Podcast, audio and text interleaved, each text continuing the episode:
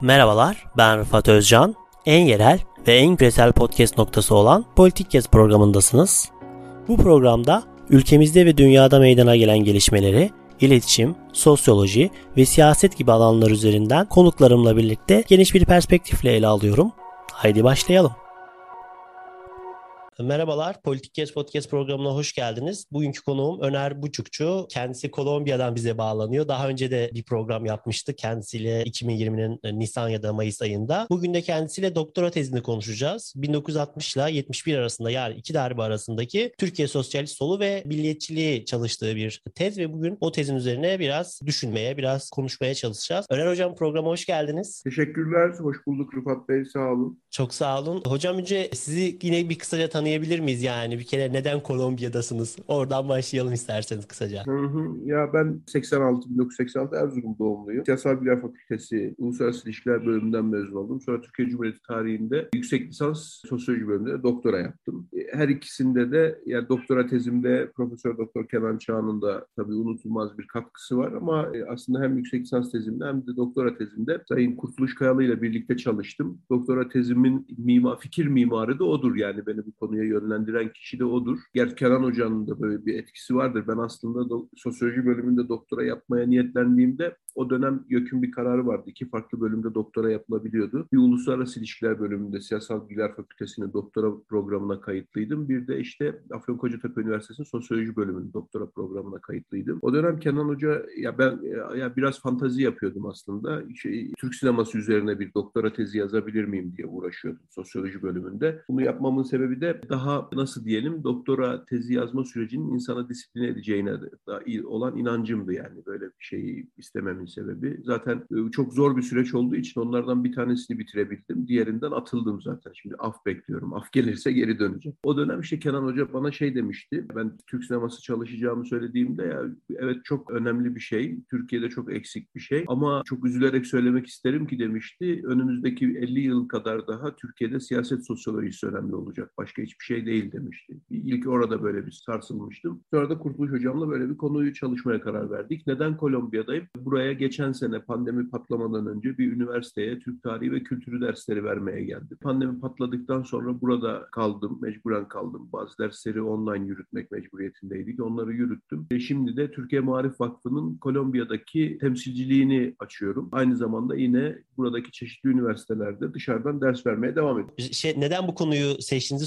soracaktım. Onu da aslında cevap vermiş olduğunuz hocalarınızın da yönlendirmesiyle bir yerde. Bu çalışmadaki sizin hipoteziniz neydi ve çalışmada nasıl bir metodolojiyle çalıştınız hocam? Şimdi şöyle, neden böyle bir konu seçtim? Şimdi özellikle şunu ifade etmem lazım. Benim akademik kariyerimin gelişiminde, daha doğrusu akademik ilgi alanlarımın gelişiminde Doktor Mustafa Çalık'ın önemli bir etkisi var. Yani ben üniversite talebesiyken, Siyasal Bilgiler Fakültesi'nde genç bir talebeyken ki Siyasal Bilgiler Fakültesi 2000'li yılların ikinci yarısında da yani daha başların ikinci yarısında da son derece politik bir yerdi. Bana sorarsanız Türkiye'nin genelinden ayrılan bir yerdi. Şu anlamda ayrılan bir yerdi. Yani mesela Siyasal Bilgiler Fakültesi'ne içeriye girdiğinde bir insan eğer Türk toplumuyla kopuksa yarın devrimin gerçekleşeceğini falan zannedebilir. Sosyalist gruplar kendilerini Siyasal Bilgiler Fakültesi'nde göstermeyi çok severler ve başka herhangi bir grubun gözükmesine karşı da son derece nasıl diyelim son derece tahammülsüzdürler. Dolayısıyla kendine bu sosyalist fikirleri paylaşmayan, bu çeşitli sebeplerle olabilir, aileden yetişme tarzıyla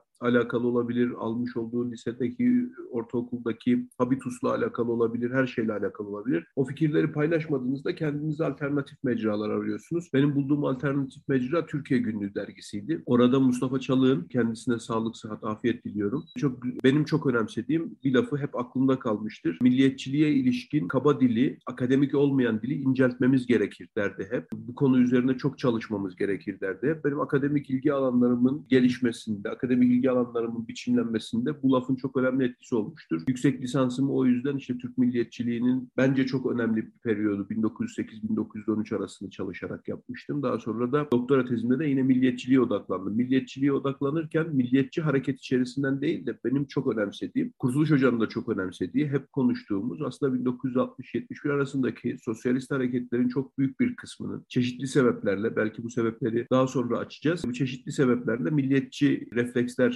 sergilemesinden kaynaklanıyordu. Ben tabii bunu çalışmaya başladığımda şunu fark ettim metodolojiyi belirlemeden önce. Yani ilk önce bir genel okuma yapıyorsunuz. Genel okumayı yaparken de Marksist literatür acaba bu mesele üzerine ciddi bir çalışma yapmış mı diye bakındım. Hatta o dönem işte Siyasal Bilgiler Fakültesi'nde uluslararası ilişkilerdeki doktoram da devam ediyordu. Bir derste Elçin Aktoprağ'ın dersiydi. O derste mesela milliyetçilik ve Marksizm ilişkisi üzerine bir makale okunmuştu. Türkçe'ye tercüme edilmişti o makale ve Elçin Hoca işte Marksist literatürde bu tartışmanın çok nadir ilerlediğini, çok net bir tartışma olmadığını, işte bulunabilecek birkaç tane iyi makaleden birisinin de tercüme edilerek o dönem işte Mülkiye dergisinde yayınlandığını söylemişti. Ya ben tabii acaba ne yapacağım falan diye düşünmeye başlamıştım. Çünkü neticede bu tartışma gerçekten tamamen Türkiye'nin içine dönük bir tartışmaysa ben daha yeni doktor öğrencisiyim. Ne yapacağım diye düşünmeye başlamıştım ama okumaya başladıkça Elçin Hoca'nın söylediklerinin çok gerçekle uyuşmadığını görmeye başladım. Çünkü bu tartışma milliyetçilik ve sosyalizm arasındaki tartışma 1960'ların çok net bir tartışması olmakla birlikte aynı zamanda Bolşevik devriminde çok net tartışmalarından birisi. Bunu gördüm. Belki biraz üzerinde duracağız. Dolayısıyla metodolojimi biraz şöyle belirledim. Nasıl çalışacağım bu meseleyi? İlk önce bu meselenin acaba bir uluslararası bağlamı var mı? E, buna baktım ve evrensel düzeyde milliyetçilik ve sosyalizm arasındaki iç içe geçişleri, bu iki ana ne diyelim kolonun birbirleriyle nasıl nerede birleştiklerini veya birleşip birleşmediklerini hem teorik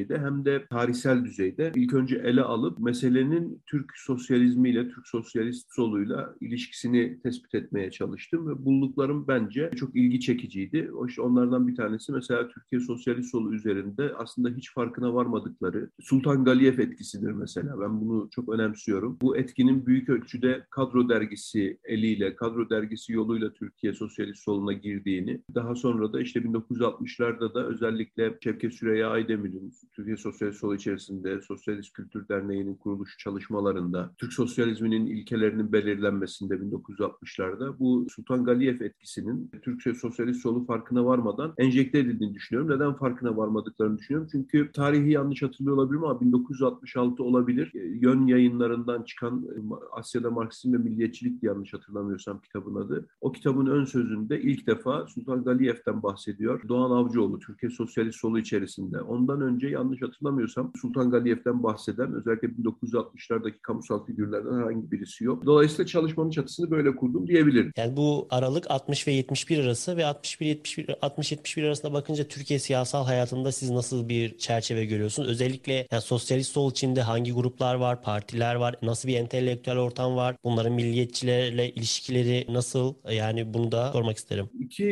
iki aslında burada iki soru var. O iki soruyu iki ayrı şekilde cevaplayalım. Şimdi 60-71 arası siyasal ortam nasıl? 60-71 arasında siyasal ortamını belirleyen şey büyük ölçüde late motivini belirleyen şey, nasıl diyelim arka çerçevesini, esasını belirleyen şey 27 Mayıs hareketi ve 27 Mayıs hareketinden sonra yapılan 61 Anayasası. Bu ikisi Türkiye'deki 1960-1971 arasındaki siyasal çerçeveyi belirledi. Bu ıı, siyasal çerçeveyi olağanüstü güçlü bir şekilde belirledi. Çünkü hem 27 Mayıs hareketi hem de 61 Anayasası aslında bir şiddet kullanma tehdidine dayanıyordu. Yani bir askeri darbeden bahsediyoruz. Meşru seçilmiş bir hükümeti devirdiler. Ya orada da iki farklı tartışma var. Bir Demokrat Parti'nin politikası, eylem ve uygulamaları onlar ayrı tartışılabilir ama neticede 27 Mayıs 60 tarihinde seçilmiş bir hükümet devrildi. Bu hükümet devrildikten sonra bir anayasa yapıldı. Her ikisi de bir şiddet kullanma tekeline yaslanıyordu. Yani 61 anayasası belki çok büyük bir oy farkıyla kabul edilmedi. Ama 1960-71 arasının e, temel çerçevesini verdi. Öyle ki bu temel çerçeve içerisinde bütün siyasal hareketler kendilerini ifade edecekleri bir alan buldular. Örneğin 60-70 özellikle 60-65 arasının yani 70-65'ten sonra da bu tartışma devam eder ama 60-65 arasında en önemli tartışmalarından birisi Türkiye Cumhuriyeti Anayasası'nın sosyalizme açık olup olmadığıdır. Yani Kemal Gürsel'in o dönem bir beyanatı var. 1961 Anayasası'na uyumlu hareket edecek edecek olan bir sosyalist partinin de Türkiye'de faaliyet gösterebileceğini söyler. Bu, bu beyanatın hemen ardından Türkiye Sosyalist Solu şöyle bir nasıl propaganda demeyelim ama tartışma başladı. 1961 Anayasası sosyalizme açıktır. Sağ partiler bunun tam tersini söylemeye başlarlar. Yani bu meşhur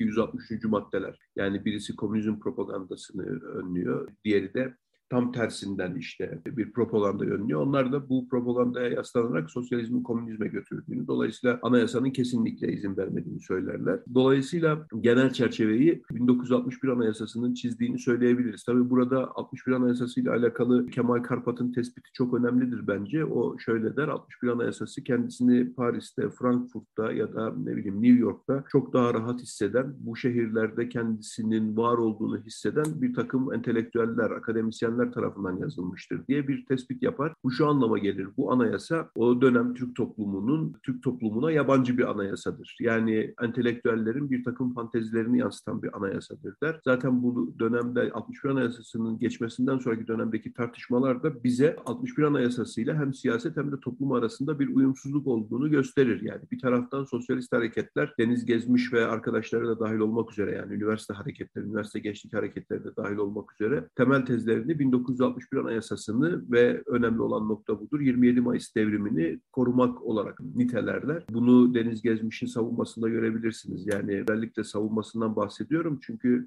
olduk, oldukça geç bir tarihten bahsediyoruz Deniz Gezmiş'in savunması derken. Yani 71'i geçen, 71'i aşan bir dönemden bahsediyoruz. Onu anlatmaya çalışıyorum. Mesela Demirel'in de bu anayasa Türkiye'ye bol geliyor lafını hatırlamak gerekir. Mesela Nihat Erim de seçildikten sonra seçilmekten kastım biliyorsunuz Cumhuriyet Halk Partisi'nden istifa edip tarafsız başbakan olarak 12 Mart rejiminin başbakanı olarak göreve başlamıştı. Onun da yaptığı ilk işlerden birisi 1961 Anayasası üzerinde çok geniş çaplı bir tadilat gerçekleştirmek olmuştu. Dolayısıyla 60-71 Anayasası'nın yine başa dönüyorum. Aynı cümleyi kuracağım. 60-71 arasının siyasal atmosferini belirleyen iki şey olduğunu, çok temel iki şey olduğunu söyleyebiliriz. Birincisi 27 Mayıs, ikincisi de 61 Anayasası. Peki bu siyasal atmosfer Türkiye'deki sosyalist hareketleri nasıl biçimlendirdi? Ben Türkiye'deki siyasal sosyalist hareketleri 1960-71 arasını iki döneme ayırarak inceliyorum. Birinci dönem 1960-65 arasıdır. İkinci dönem de 65'ten sonraki dönemdir. Neden 65'i kendim ve bir millat olarak kabul ediyorum ya da bir ara nokta, bir kırılma noktası olarak kabul ediyorum. Çünkü 1965'te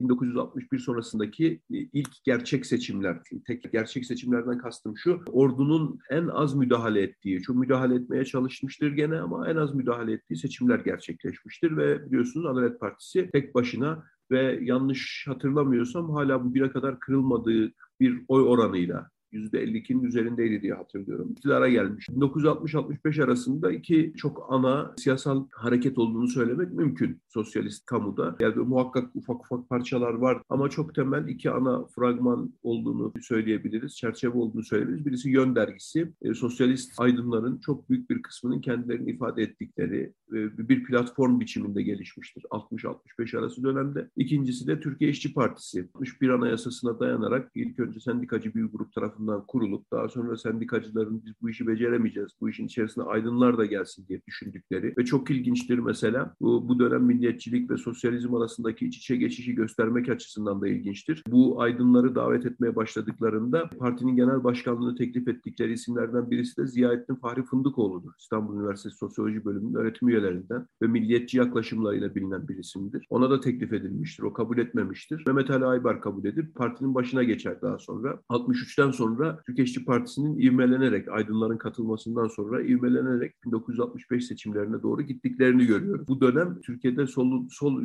soldaki parçalanmayı da hızlandıracak bir dönem. Çünkü 60-65 seçimlerine gelirken aslında herkes Türkiye İşçi Partisi'nin arkasında birleşir. Ama 65 seçimlerinden sonra artık parçalanma başlar. Bu parçalanmanın birkaç sebebi var. Ben çok önemsediğim birinci sebebi İsmet İnönü'nün Cumhuriyet Halk Partisi için ortanın solundadır açıklamasını yapmasıdır. Çünkü İsmet İnönü ve, ve e, mesela sonraki dönemde çok daha farklı bir noktaya götürmüştü ortanın solunu ama ilk etapta Cumhuriyet Halk Partisi ortanın solundadır derken esas amacını Cumhuriyet Halk Partisi'nin tarihsel tabanını yani kentli, eğitimli orta sınıf ki orta sınıf biliyorsunuz marjinalleşmeye çok açıktır. Bu sosyalist hareketlerin gelişmesi onların o marjinalleşmeye açık olma eğilimlerini etkiler, etkileyip Cumhuriyet Halk Partisi'nden Türkiye İşçi Partisi'ne doğru o tabanı kaydırmaya başlamıştır. Ki 1965 seçimlerinin sonuçlarına baktığımızda da Türkiye İşçi Partisi'nin mesela İstanbul'u değerlendirdiğimizde İstanbul'un en eğitimli semtlerinden oy aldığını görüyoruz. Yani Cumhuriyet Halk Partisi'ne daha önceki dönem giden oylar Türkiye İşçi Partisi'ne gitmeye başladığı için İsmet İnönü'nün böyle bir ön alıcı vuruş yaptığını görüyoruz. Ama daha sonra İsmet İnönü bu ön alıcı vuruşu değiştirip, ortanın solunun vurgusunu değiştirip, özellikle Adalet Partisi'nin ortanın solu Moskova'nın yolu şeklinde özetlenebilecek ithamlarının ardından ortanın solunu komünizme bir duvar çeken, komünizmle Türkiye arasında duvar çeken bir ideoloji olarak tanımlaması bu kentli eğitimli orta sınıfların Türkiye İşçi Partisi'nden de Cumhuriyet Halk Partisi'nden de kopmaya başlamalarını beraberinde getirdi. Özellikle 1966-67'den sonra bu yaygın, daha e, yaygın bir hal almaya başlar. İşte ilk önce Ant dergisinin kurulması, ardından çeşitli işte Aydınlık dergisinin kurulması, Aydınlık dergisinin parçalanıp iki parça işte Kızıl Aydınlık, Beyaz Aydınlık, Kırmızı Aydınlık, Beyaz Aydınlık şeklinde ortaya çıkması, Türkiye İşçi Partisi'nin 1967-69 arasında yaşadığı iç çatışmalar, 1969'a gelinirken Türkiye İşçi Partisi içerisinden Behice Boran ve Sadun Aren'in öncülük ettiği Emek Dergisi grubunun çıkması, daha sonra 69 seçimlerinden sonra Mehmet Ali Aybar'ın istifa etmesi, Behice Boran ve ekibinin, yani ilk önce biliyorsunuz Behice Boran zaten partinin başına geçmedi. Orada işte bir görev değişiminin yaşanması, yani özellikle 67'den sonra daha parçalı bir yapı. İşte e, öğrenci hareketleri, öğrenci hareketleri de çok parçalı bir yapı göstermeye başlıyor. Türkiye Halk Kurtuluş Partisi, Türkiye Halk Kurtuluş Ordusu cephesi, THKPC, THKO, işte bunlar birisi kır gerillasını, birisi şehir gerillasını bir taktik strateji olarak öne çıkarıyorlar. 67 sonrasında daha fragmantal bir yapıyla karşı karşıyayız ama 67'ye gelinceye kadar kabaca iki çok ana damardan bahsetmek mümkün. Bunlardan bir tanesi Yön Dergisi, diğeri de Türkiye İşçi Partisi. Zannediyorum bu kadar yeterli olur. Belki de aynen, aynen. isterseniz cevap sorularına. Peki bu incelediğiniz dönem e, içinde sosyalist solun milliyetçilik algısı nasıldı yani e, ve buradaki ana akslardan da biri bu olduğu için tezde sosyalist solun milliyetçi bakışı hakkındaki bulgularınız nelerdi? Bunu merak ediyorum. Ya bu da çok detaylı bir soru aslında ama şöyle başlamakta fayda var. Birincisi bizim Türkiye'deki sosyalist hareketlerin çok çok büyük bir kısmı sosyalizm yol üzerinde öğrenmişler. Ya ben şimdi tabii tam kelime kelime cümle cümle hatırlamıyorum ama Oğuzhan Müftüoğlu hatıratında şöyle bir şey söyler. Yani ben böyle anlamış olabilirim. Onu söyleyeyim. Benim aklımda böyle kalmış olabilir. Çünkü ben hatıratı 5 sene önce falan okudum. Ama aklımda kaldığı kadarıyla şöyle bir şey söylüyordu. Ben biraz daha biraz avami bir lisanla söyleyeceğim. İşte diyor ki biz e, Marksizmi Marx'tan öğrenmedik. Biz Marksizmi işte Engels'ten öğrenmedik. Biz Marksizmi Lenin'den de öğrenmedik. Biz Marksizmi Stalin'den öğrendik. Şimdi bu bence şu anlama geliyor. Suyunun suyunun suyunun suyuna anlamına geliyor. Yani yol üzerinde. ilk Marx klasik yanlış hatırlamıyorsam yani Marx'ın kendisinin ilk tam tercümesi 1965 olması lazım. 1965'te Siyasal Bilgiler Fakültesi'nin iktisat hocalarından Mehmet Selik'in tercümesidir. 1965 ya da 64'tür. Sonra da zaten yasaklanıp toplanmıştır. Tam tercümesi. Ondan önce Hikmet Kıvılcımlı'nın Das Kapital'den parça parça tercümeleri, Kerim Sadi'nin Das Kapital'den parça parça tercümeleri var. Bu tercümeler de büyük ölçüde ya Almancadan ya da Fransızcadan gerçekleşir. Hatta büyük ölçüde Fransızcadan gerçekleşir. Mehmet Selik'in ilk Das Kapital tercümesi de Fransızcadandır. Yani Marx'ın yazdığı ana dilde de değildir yani onu anlatmaya çalışıyorum. Dolayısıyla Türkiye Sosyalist Solu'nun Marx'ın öğrenme serüveni hem biraz uzun olmuş dönem koşulları itibariyle hem de biraz çok dolaylı yoldan gerçekleşmiştir. Stalin vurgusu Oğuzhan Müftüoğlu'nun önemlidir. Şu yüzden önemlidir. Çünkü Stalinizm batılı araştırmacılar tarafından Rus milliyetçiliğinin bir çeşidi, bir biçimi hatta çok marjinal bir biçimi olarak da değerlendirilir. Hepsi tarafından değil elbette. Ama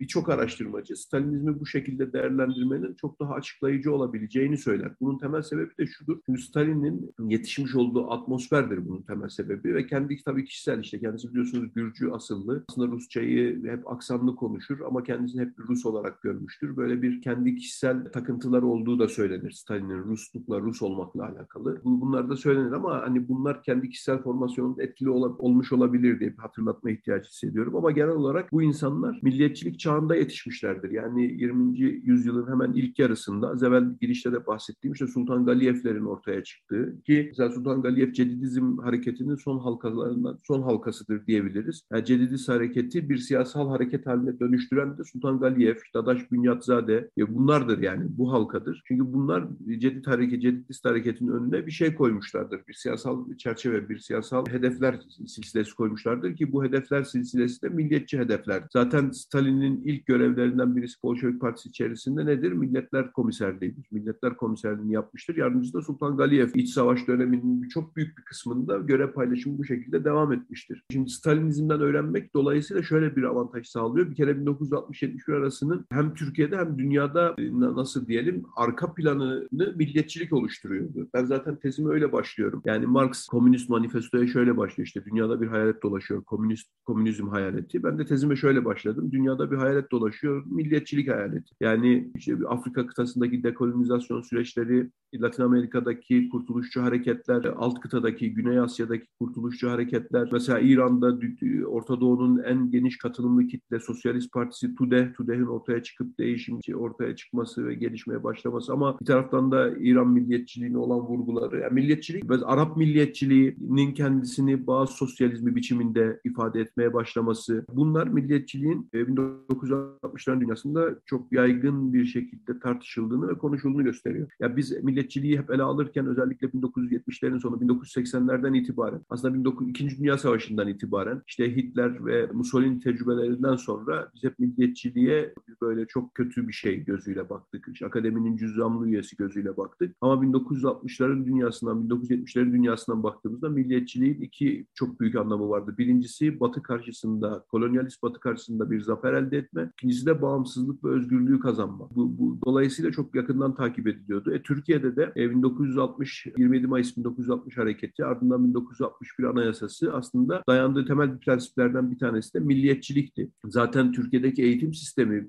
o dönem yetişen çocukları son derece milliyetçi bir eğitim sistemin içerisinden geçiriyordu. Bir ilginç tarafı da şudur mesela. Yaşı biraz daha geçkin olan yani üniversite öğrencilerinden bahsetmiyorum yani. Bu çocuklar işte 1968 hareketinin çocukları büyük ölçüde 46, 47, 48, 49 doğumludurlar. Ama onlardan bir önceki nesil yani 1920, 21, 22 doğumlu olanlar hep Cumhuriyet'in başarısı, Cumhuriyet'in kolonyalist e, Avrupa devletlerine karşı zaferi hikayesiyle büyüdüler. Bir önceki dönem o hikayeye şahitlik etti. Dolayısıyla milliyetçilik son derece önemli olduğu için ve işte milliyetçilik Stalin üzerinden bir miktar öğrenildiği için ilk dönemlerde, daha sonraki dönemde zaten tartışma biraz çeşitlenecek. Milliyetçilikle e, çok ciddi bir problemin olmadığını görüyoruz. Zaten yazılanlara baktığımızda özellikle 1960-65 arası dönemde yazılanlara baktığımızda işte Mehmet Ali Aybar'ın beyanatlarına baktığımızda Doğan Avcıoğlu'nun zaten savunduğu çizgi tarihsel olarak hiç o milliyetçiliği ayak ayağını bastığı temel bir direnek noktası olmayı ter terk etmedi. 60-65 arası dönemde neredeyse herkes milliyetçilik ve sosyalizm arasında bir iç içe geçiş. Yani milliyetçiliksiz sosyalizm olmaz, sosyalizmsiz milliyetçilik olmaz noktasındaydı. 1965'ten sonra da bu tavır çok değişmemiştir. Yani 67-68 gibi oldukça geç bir dönemden, ben çalıştığım döneme dair geç bir dönemden bahsediyorum. Ant dergisindeki Yaşar Kemal'in ve Doğan Özgülen'in yazılarına bakılabilir. Doğan Özgülen her ne kadar belki de bugün o yazılarını hatırlamak istemese de orada milliyetçilik ve sosyalizm arasındaki ilişkiye çok net vurgu yaptığını söyleyebiliriz. Mesela Yaşar Kemal'in şöyle bir yazısını hatırlıyorum. Her e, sosyalizm milliyetçi olmalıdır ama her milliyetçi sosyalist olamaz. Gerçek sosyalistler milliyetçilerdir. Yani içerik bu şekilde kuruluyordu 1960'ların Türkiye'sinde milli e, sosyalist hareketlerde. Baktığınızda Mahir Çayan'ın 1970'li yılların sonuna gelinceye kadar milliyetçilikle ilişkisinin oldukça sarih olduğunu söyleyebilirim. 70'lerden itibaren belki 70'lerin ikinci yarısından itibaren bu noktada eleştirel bir tavır geliştirmeye başlamıştır denilebilir. E, ama ve zaten sosyalist hareketi mesela Tanıl Boran'ın Cereyanlar kitabına baktığınızda genellikle o 1970'lerin ikinci yarısına itibaren yazdığı yazıların ciddiye alındığını görürsünüz. Ondan öncesini çok ciddiye almaz ama ondan önce adamın nereden baksanız 6 yıllık bir aktivist e, geçmişi var. Ama orası ciddiye alınmaz çünkü o dönemde tarihe geç, geç geriye bakarak yeniden kendimize bir tarih yazdığımız için orayı hatırlamak istemiyorum. Mesela Türk solundaki milliyetçilik meselesi bugün yazılan metinlere baktığınızda özellikle liberal soldan gelen metinlere baktığınızda genellikle Doğan Avcıoğlu ve arkadaşlarına ihale edilir. Mesela Hikmet Kıvılcımlı bile oradan çıkarılır ama Hikmet Kıvılcımlı'nın tarih tezine bakıldığında, Hikmet Kıvılcımlı'nın Sosyalist Gazetesi'nde yazdığı yazılara bakıldığında milliyetçilik meselesinin oldukça önemsediğini görüyoruz. Hatta benim mesela çok önemsediğim bir tezi vardır Hikmet Kıvılcımlı'nın. Bu az gelişmiş toplumlarda ordunun rolüne ilişkin, bu ordunun rolünü kendi tarih teziyle de bağlamla, e, bağlamlandırarak yani e, Osmanlı'dan öğrenilen, Türklerden öğrenilen bir şey olduğunu söyler ve mesela şunu söyler, işte der ki Orta Doğu'daki ülkelere bir bakın, ordu hepsini içerisinde öncü roldedir ve çok ilginçtir. Bu ordunun öncü rolde olduğu ve başarılı olduğu tırnak içerisinde söylüyorum. Ülkelerin neredeyse tamamı Osmanlı hakimiyetinden çıkmıştır gibi bir tezi vardır mesela. Dolayısıyla bence yani mesela milliyetçiliğe dönük eleştirel bir tavır 1970'e kadar aşağı yukarı. Ben Türkiye Sosyalist solunda çok net bir biçimde tespit edebiliyor muyuz?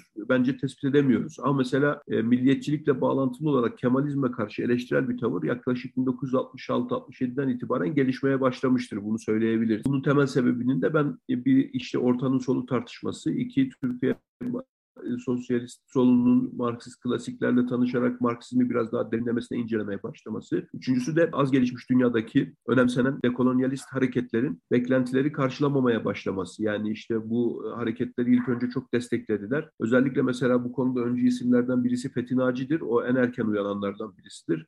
1966'da bu albaylar cuntası Yunanistan'da iktidarı ele geçirdiğinde ilk uyananlardan birisi odur bu meseleye. Biz hep orduya öncü bir rol veriyorduk ama bu ordunun öncü rolü çok büyük ihtimalle askeri bir diktatörlüğe dönüşecek ve toplumları sosyalizme götürmeyecek diye 1966 idi yanlış hatırlamıyorsam. Çok erken tarihli bir yazısı vardır. İlk uyananlardan birisi odur ama 1968-69'a gelindiğinde hala sosyalist solda bu az gelişmiş dünyadaki bir takım darbe hareketleri yani mesela bir takım meşru hükümetlere karşı askeri darbeler ürünler hala e, sahiplenilmeye devam edilmektedir. Detaylı bakıldığında görülür şimdi. De. Vaka vaka üzerinden geçerek süreci uzatmak istemem. Bunun temel sebebi bu darbe hareketlerinin, askeri hareketlerin milliyetçilikle olan ilişkile, ilişkileridir. Yani o yüzden önemsenir. Çünkü dönemin jargonunda 60 ile 71 arasındaki jargonda özellikle dekolonizasyon sürecinin jargonunda milliyetçilik aslında Batı emperyalizmine karşı kazanılmış bir zafer ve Batı dünyasıyla eşit koşullarda yaşama anlamına gelmektedir. Ve bence bence zaten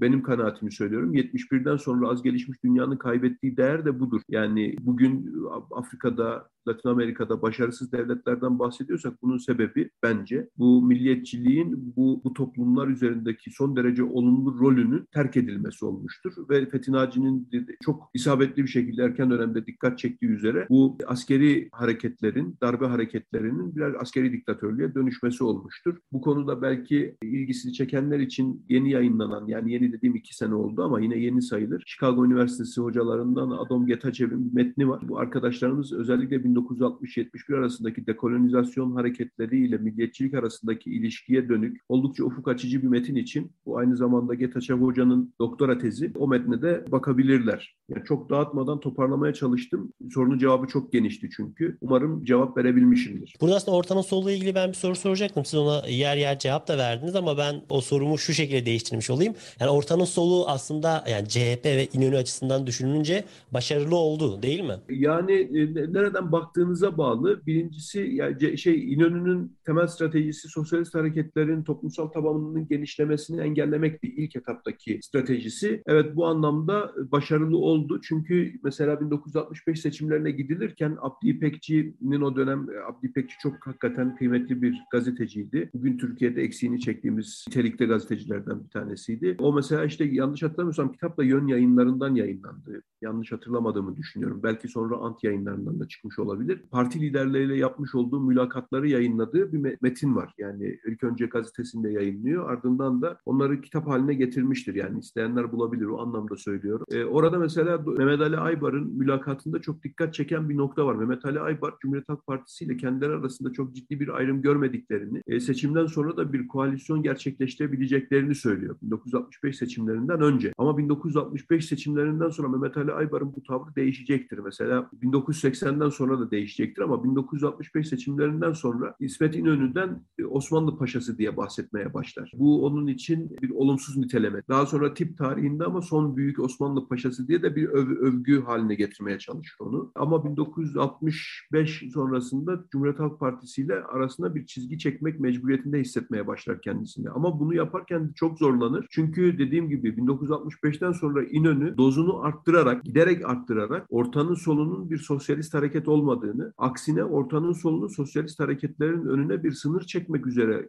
geliştiğini söylemeye başlar. Bunu söylemeye başladığında sosyalist hareketlerden tepki çekmeye de başlar ve bu bir kırılma meydana getirir orada. Yani kırılma Cumhuriyet Halk Partisi'ne bakışla ilgilidir. Cumhuriyet Halk Partisi'ne bakıştaki kırılma aynı zamanda Kemalizme bakışta da kırılmayı beraberinde getirir. Yani Kemalizm 19, kabaca 1966'ya kadar Türkiye Sosyalist Solu tarafından oldukça önemsenen, kesinlikle önemsenen bir fenomendir. 1967'den sonra yaklaşık bu tartışmalar şiddetlenmeye başladıktan sonra Kemalizme dönük bugün bile o seviye yakalanamamıştır. Eleştirel anlamda söylüyorum. Yani bugün ne kadar şey yazılırsa yazılsın Kemalizme ilişkin eleştirel metin hala benim kanaatim İdris Küçükömer'in metninin üzerine çıkılmış değildir. O dönem yazılmış başka metinler de vardır. Yani Emek Dergisi bu anlamda hakikaten oldukça mümbit bir mecra. İlgisini çeken arkadaşlar Emek Dergisi'ndeki Kemalizm tartışmalarına bakabilirler. Mesela Ant Dergisi'ndeki dönüşüm de bu anlamda çok ilgi çekicidir. Yani ilk dönemlerinde Kemalizmle oldukça sıkı fıkı demeyeceğim ama iç içe de demeyeceğim. Nasıl ifade edebiliriz? Çok problemsiz diyelim. Problemsiz ilişki, ilerleyen bir ilişki varken yani yaklaşık 60. 65. sayıdan itibaren şimdi tam hatırlamıyorum Kemalizme dönük eleştirel bir tavrın orada da ortaya çıkmaya başladığını görüyoruz. Bunu yaratan, bu kırılmayı yaratan ortanın solu çıkışıdır. Yani ortanın solu çıkışı ile aslında İsmet İnönü başarılı olmuştur kendi düşünsel düşünce anlamında. Zaten İsmet İnönü ve Bülent Ecevit'in ortanın solunu anlama biçimlerinin farklı olması işte Ecevit'in zaten 71 sonrasında partiden kopmasını da hızlandıran bir süreci beraberinde getirdi. O tabii bambaşka bir tartışma konusu. Onun çok detaylı içerisine girmemize gerek yok ama mesela şu bile bir gösterge olabilir. İşte Cumhuriyet Halk Partisi Genel Başkanlığını aldıktan sonra Bülent Ecevit'in daha sonra 1973 işte milli görüşle kurulan ittifak o ittifaktan sonra yaklaşık 5'ten itibaren Ecevit'in sosyalist hareketlerle yani mutedil sosyalist hareketler diyelim daha yakın bir çalışma geçmiş olduğunu görüyoruz. Yani burada bir yaklaşım farklılığı. Elbette dönemler farklı. Dönemler değiştiği için koşullar değişiyor. Koşullar değiştiği için Ecevit'in yaklaşımı da değişmiş olabilir. Ama en başından itibaren Ecevit ve İnönü arasında ortanın solunu anlama biçimi bakımından bir farklılık olduğunu söylemek mümkün. Sizin sorunuzun cevabı bu bağlamda bence evet. Yani ortanın solu hareketi Bülent Ecevit tarafından evet bir ideologluğu yapılıyor ama neticede partinin genel başkanı olarak olan İsmet İnönü tarafından uygulanıyor. İsmet İnönü'nün de bunu uygularken esas hedefinin Türkiye İşçi Partisi'ne ve sosyalist hareketlere yönelen, Cumhuriyet Halk Partisi tabanından kopuk bu hareketlere yönelen hareketleri durdurmak ve o hareketleri parçalamak olduğu görülüyor. Bu konuda da bence başarılı olmuş. Son olarak da hocam şunu sormak istiyorum. Yer yer değindiniz de aslında konuşmanızda. E, Kenan Çağan Hoca da işte girişte bir giriş yazısı e, yazmıştı doktora teziniz ve o da orada söylüyor. Sosyalistlerin evrensel manada bu yıllarda entelektüel bir tartışma yapmadıklarından bahsediyor. Hem buna kısaca bir değinebiliriz hem de siz de hocam milliyetçilik tartışmalarına hakim biri olarak da bunun, şu soruyu da size sormak istedim. Ya aynı şekilde bu yıllarda ya da daha sonra da da ya Türkiye'de milliyetçiler de evrensel bir tartışma yapıyorlar mıydı size göre? Sizin literatüre baktığınızda. Ya şöyle söyleyebilirim. Birincisi evrensel bir tartışma ya şöyle mesela evrensel tartışma yürüten aslında bu dönemde evrensel tartışma yürütenler uluslararası metinlere göndermede bulunanlar çok ilginç bir şekilde milli demokratik devrimcilerdir. Yani bugün Türkiye Sosyalist Solu tarafından TUKAK'a ilan edilen, sosyalist olmadıkları iddia edilen gruplar aslında ki bu sadece benim söylediğim bir şey değildir.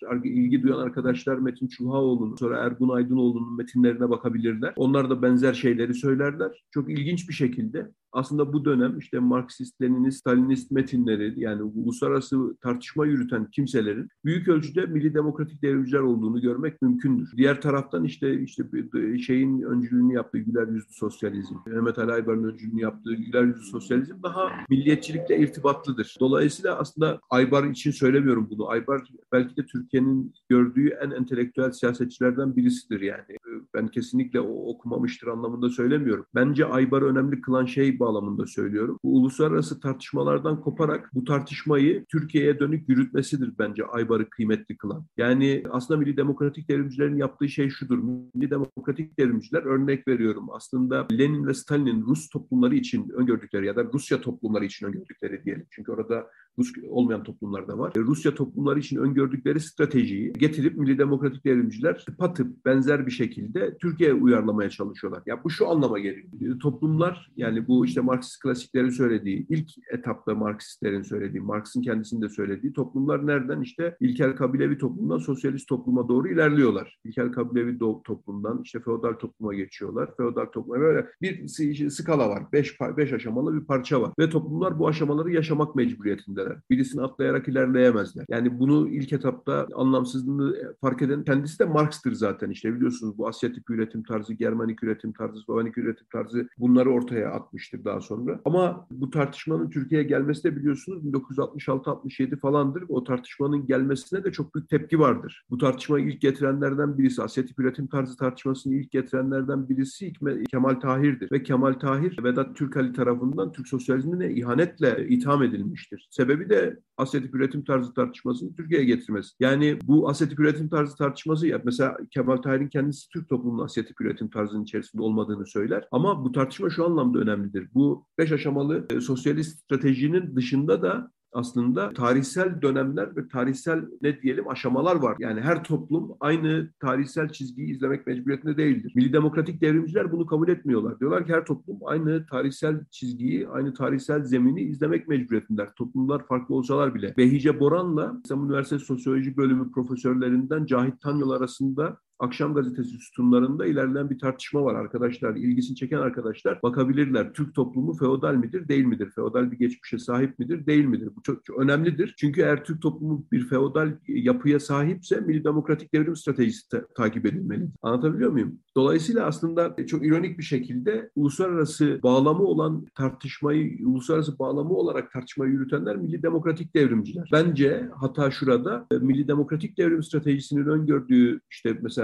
Rus to Rusya toplumları için öngördüğü stratejiyi Türk toplumu da bu toplumların aynısıymış gibi getirip buraya uygulaya, uygulamaya çalışmakta. Diğer taraftan işte bu uluslararası metinleri bilip ama bu uluslararası metinleri Türk toplumuna uygulamamaya çalışan e, daha milliyetçi, benim daha milliyetçi olarak değerlendirdiğim bir çizgi var. Bu çizgi işte Mehmet Ali Aybar'da da belirginleşen çizgi. Düz Küçük Ömer'in kendisinde de belirginleşen çizgi. Ya bunu söylediğim için bir takım araştırmacılardan tepki alabileceğimi biliyorum. Ama Türk toplumunu daha kendine özgü koşulları olan ve bu uluslararası metinleri evet Türk toplumunu anlamamızı kolaylaştırabilecek ama bu uluslararası metinlerin öngördüğü stratejileri uygularsak Türk toplumunu anlamay anlayamayabileceğimizi iddia eden metinler var. Ben ikincilerinin daha önemli olduğunu düşünüyorum. Zaten Türk entelektüel hayatına da çok daha ciddi katkı yaptıklarını düşünüyorum bu ikincilerin. Yani sorunuza cevap oldu mu bilmiyorum. Teşekkürler hocam. Çok sağ olun. Benim sorularım burada bitti. Programa katıldığınız için çok çok teşekkür ederim hocam tekrardan. Ben teşekkür ederim. Sağ olun. Çok sağ olun. Öner Buçukçu ile bugün 1960-71 arasında Türkiye Sosyalist Solu ile milliyetçilik ilişkisinde konuştuk. Biz dinlediğiniz için teşekkürler. Kulağınız bizde olsun. En yerel ve en küresel podcast programı Politik Kesti dinlediniz. Bizi Spotify, Apple, Google Podcast üzerinden ve sosyal medya hesaplarımızdan takip etmeyi unutmayın. Yeni başlıklar ve konuklar için kulağınız bizde olsun.